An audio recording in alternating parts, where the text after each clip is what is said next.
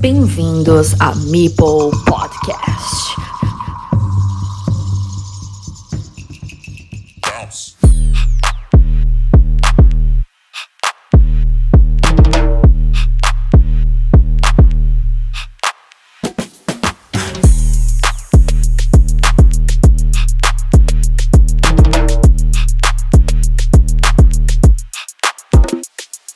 Hello, everybody. My name is Joaquin Vipak on BGA, and this is Meeple Podcast, perhaps the only one podcast about Carcassonne around the world.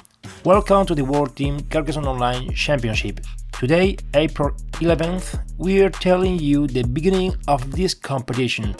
The draw last Sunday, April 9th, was very expected for the Carcassonne competitive fans, and now we can introduce you many things about that. First, I want to extend to the audience the effort of the organization to get us a new edition of the World Team Championship, because it's not easy to build this big festival of Carcassonne game around the world. BGA allows it happens. Carcassonne.cat do it possible with their great job Hans im Glück, the main official publisher from Germany, with their support, bring another level to this event.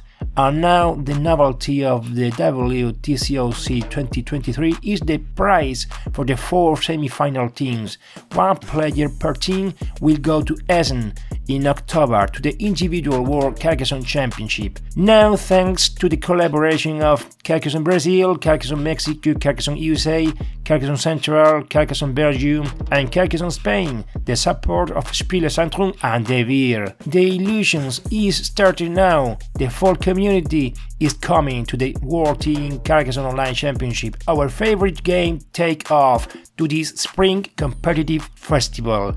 Together we can do anything. This podcast, the YouTubers, Twitch channels, the DA said, the organization, the fans, the players, the team captains, everyone. And now they draw 32 national teams, for groups, first stage. The first of every group will be classified to quarterfinals. The second and the third team in each group will play a previous match to reach this phase of the knockouts stage. And the groups are Group A Japan, Slovakia, Romania, Netherlands, Czech Republic, Mexico, Germany, Guatemala. Group B China, Catalonia, Spain, Hungary, Latvia, Poland, UK, Ukraine. Group C RCP, Russian players, Tunisia, Belarus players, Brazil, Hong Kong, Taiwan, Italy, Malaysia, Colombia. Group D Portugal, Belgium, Chile, Argentina, Greece, France, USA, and Peru. About the geographical areas, 53% of teams are from Europe, 25% are from America, South and North, and the 22% are from Asia, Oceania, and the players from Russia and Belarus. Countries that come back to the championship from 2021 are Ukraine, Poland, Greece, Italy, Guatemala, Peru, and Belarus. These last under the flag of Tutti Sige. And the only one team that remain out from 2020 is Norway. About the level of pledgers, I know that Elo of BGA is changing every hour, every day, so unstable, but is the only piece of information to use for measuring pledgers level. So we can make two rankings about pledgers level, the full team and the top 5 pledgers from each team. That is the best lineup from every team. Then this is the team ranking. 600 points. Japan Germany 500 points, China, RCP, Ukraine, Spain, USA, Catalonia, France, Czech Republic, Italy, Hungary, Netherlands, Chile, UK, Brazil, Taiwan, Poland, Portugal, Belgium 400 points, Malaysia, Mexico, Latvia, Argentina, Romania, Colombia, tutti 300 points, Peru, Hong Kong, Slovakia, Greece. 100 points, Guatemala. And this is the top 5 ranking. See 200 points Japan, RCP, China, Germany, Ukraine, Czech Republic, Hungary, Catalonia, Spain, Netherlands, Latvia, 500 points, UK, USA, Malaysia, Mexico, France, Chile, Italy, Poland, Brazil, Taiwan, Argentina, Portugal, Romania, Belgium, Colombia, Peru, Tunisia, 400 points, Slovakia, Hong Kong, Greece, almost 200 points, Guatemala. In any case, the top four teams and lineups of the competitions are the same Japan, Germany, China, and IRCP. The well balanced national teams, that is, lower difference among ELO team and ELO top 5, are the following Catalonia, France, and USA. But it's so interesting to tell that Peru has a high difference among this team level and his top 5 level 150 points. Latvia and Slovakia 123 and 120 points. Czech Republic, Malaysia, Mexico, Colombia, and Hong Kong 100 points difference. That means they are 4 or 5 good players and other with a low level. It will be many interesting to see how they solve the lineups during the competition to comply with the rules of the championship about the obligation in the group stage to use 8 players at least one time in lineups. The pool level from the WTCOC corresponds to Slovakia, Hong Kong, Greece, and Guatemala. Now I'm going to share with you the following and final results of my study about merging these two types of levels the full team level and the top 5 team level. So the real ranking order from countries for me is Japan, Russian players, China, Germany, Ukraine, Spain, Czech Republic, Catalonia, Hungary, USA, Netherlands, UK, Italy, Chile, Latvia, Malaysia, France, Brazil, Mexico, Poland, Taiwan, Portugal, Belgium, Argentina, Romania, Colombia, Peru, Tunisia, Slovakia, Hong Kong, Greece, and Guatemala. From this order, I suppose the strong group is the B1 China, Ukraine, Spain, Catalonia, Hungary, UK, Latvia, and Poland. The second strong is the Group A Japan, Germany, Czech Republic, Netherlands, Mexico, Romania, Slovakia, and Guatemala.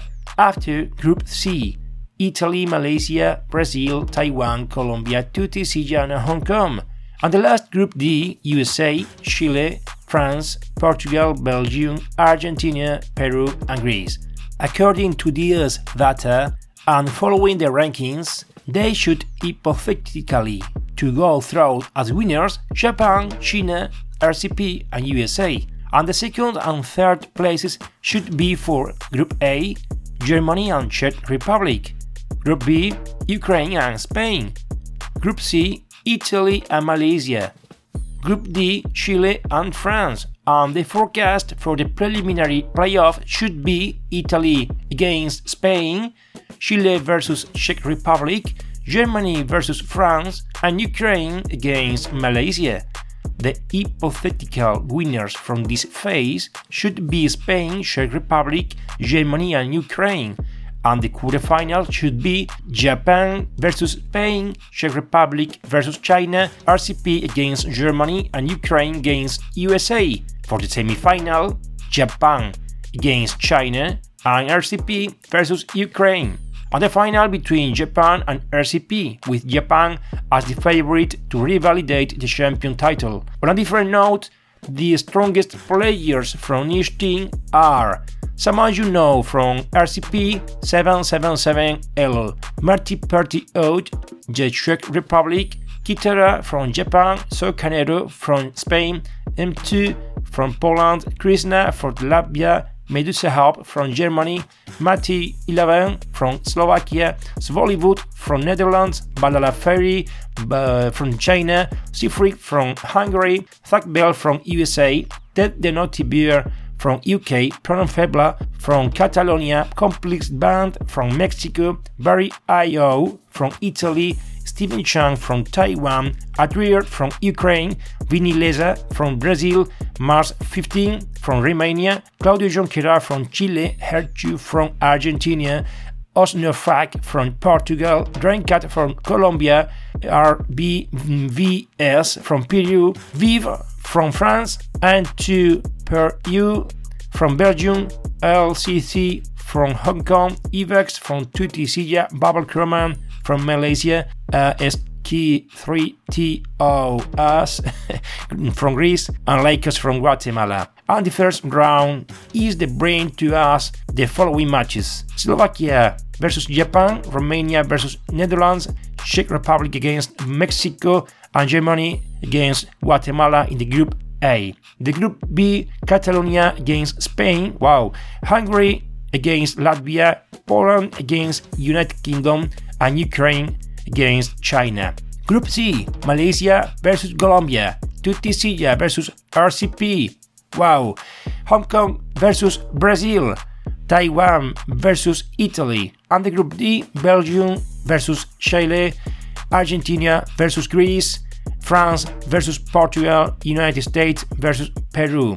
And this is all for this week. See you on the next round. This is the first episode to this edition, and you can listen to Meeple Podcast on Spotify, Amazon Music, Apple Podcast, Google Podcast, Deezer, iVoox, Podimo, the Telegram channel t.me slash Meeple Podcast, de Website, El